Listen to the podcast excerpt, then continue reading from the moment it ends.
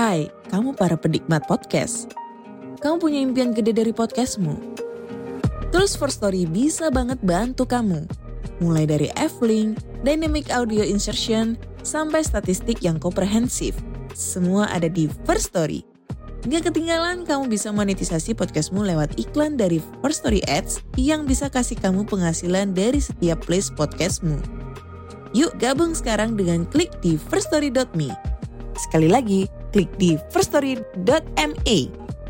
Mari kita bawa mimpi podcastingmu menjadi kenyataan. Hello? Hello? Podcast Network Asia.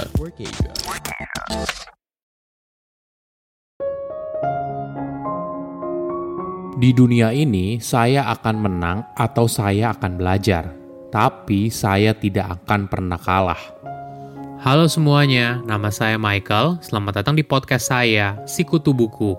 Kali ini saya akan bahas buku Everything is Figure Outable karya Mary Forleo. Sebelum kita mulai, buat kalian yang mau support podcast ini agar terus berkarya, caranya gampang banget. Kalian cukup klik follow. Dukungan kalian membantu banget supaya kita bisa rutin posting dan bersama-sama belajar di podcast ini. Buku ini membahas kalau semua hal di dunia ini ada caranya, ada jalan keluarnya. Mungkin kamu pernah berada dalam posisi yang mumet banget, gak tahu harus ngapain. Ini adalah hal yang wajar. Kamu mungkin saja berada di posisi itu. Namun, apabila kamu mencoba melihat masalah itu dari perspektif lain, mungkin saja kamu bukan tidak tahu harus ngapain, tapi kamu tidak ingin membuat sebuah keputusan karena tidak ada yang 100% menguntungkan.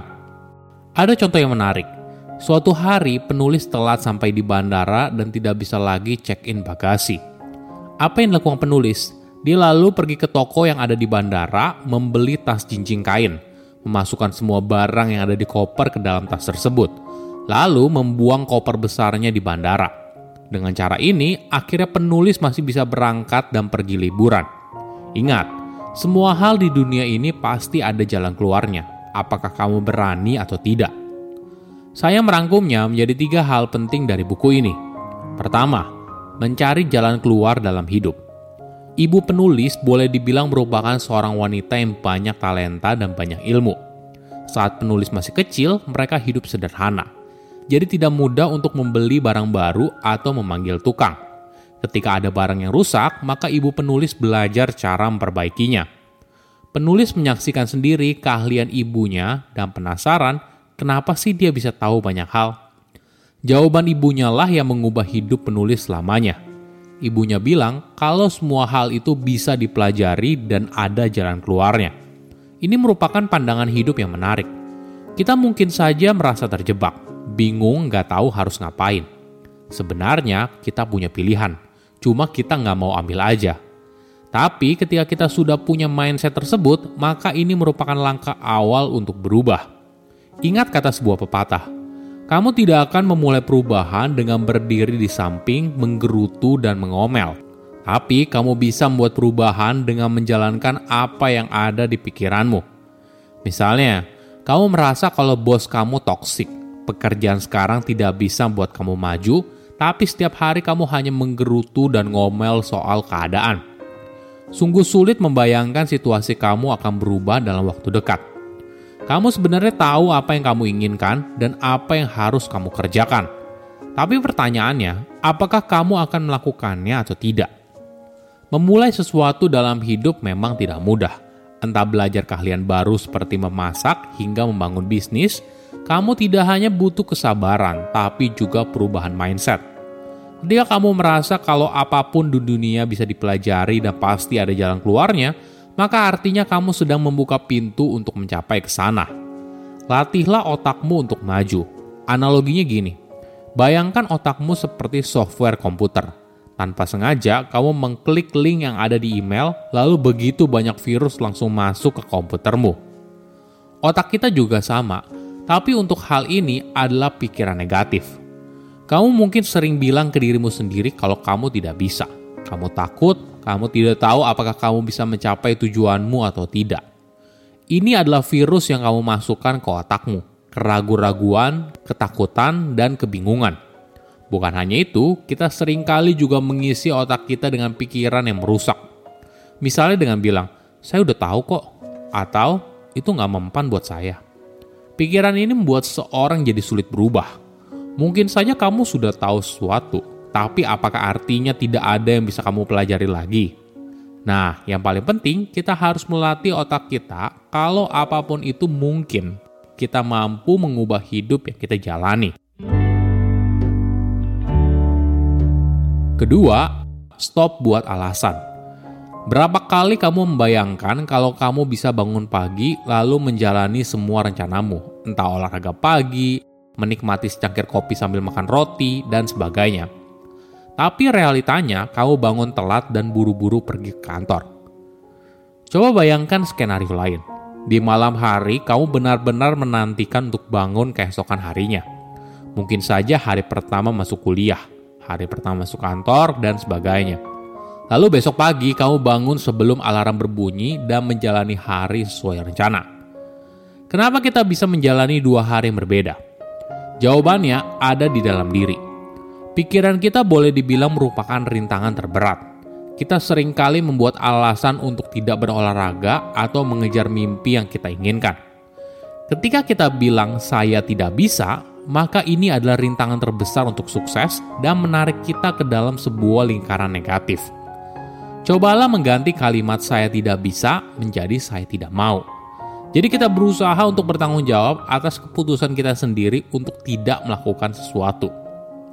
Apa alasan yang paling umum diucapkan seorang? Pertama, saya tidak punya waktu. Tentu saja hidup kadang terasa begitu padat. Kita punya begitu banyak tanggung jawab, entah kepada pekerjaan, keluarga, pasangan, teman, dan sebagainya. Namun perlu diingat, setiap orang punya waktu 24 jam yang sama. Bedanya adalah bagaimana kamu bisa menggunakan waktu itu dengan baik. Belajarlah untuk bertanggung jawab atas waktu yang kamu miliki dan gunakan dengan bijak. Kedua, saya tidak punya uang. Di zaman sekarang, uang seharusnya tidak jadi rintangan. Banyak hal yang bisa kamu lakukan dengan modal yang sangat sedikit. Bahkan kamu juga bisa mengambil pekerjaan sampingan. Jika kamu tidak merasa cocok, maka kamu bisa mulai menjual barang secara online. Pertanyaannya, apakah kamu mau mencoba? Ketiga, saya tidak tahu harus mulai dari mana. Kembali lagi, di era sekarang informasi tersedia begitu banyak. Berhenti buat alasan kalau kamu tidak tahu.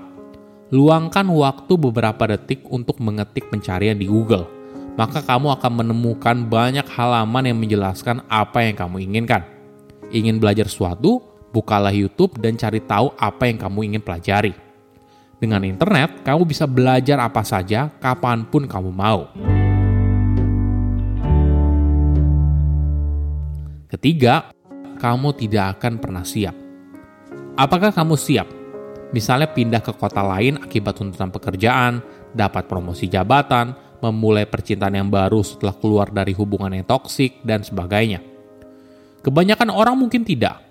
Tapi jika kita menunggu agar diri kita siap, maka sayangnya sampai kapan pun kita tidak akan pernah siap. Apa yang kamu inginkan dalam hidup? Apa mimpi kamu?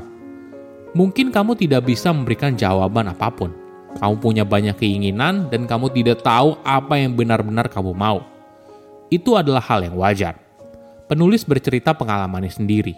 Suatu hari, penulis berhasil menarik perhatian seorang produser MTV di salah satu kelas dansanya.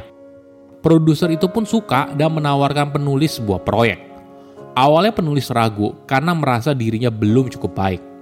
Tapi dia pun berusaha membuang jauh-jauh pikiran itu dan menjalani saja. Ternyata keputusan ini berbuah manis. Dari proyek itu karir dansanya berlanjut, hingga penulis berhasil mendapatkan kerjasama dengan merek olahraga dunia seperti Nike. Ini yang perlu kita pahami. Berhentilah menipu dirimu sendiri dengan mengatakan kalau dirimu tidak siap. Ingat, semua orang di posisi yang baru atau di tempat yang baru tidak akan pernah siap. Yang kamu butuhkan hanyalah sebuah keputusan yang berani dan sebuah langkah kecil. Silahkan komen di kolom komentar pelajaran apa yang kalian dapat ketika baca buku ini. Saya undur diri, jangan lupa follow podcast Sikutu Buku. Bye-bye. Pandangan dan opini yang disampaikan oleh kreator podcast, host, dan tamu tidak mencerminkan kebijakan resmi dan bagian dari podcast Network Asia. Setiap konten yang disampaikan mereka di dalam podcast adalah opini mereka sendiri dan tidak bermaksud untuk merugikan agama, grup etnik, perkumpulan, organisasi, perusahaan, perorangan, atau siapa pun dan apa pun.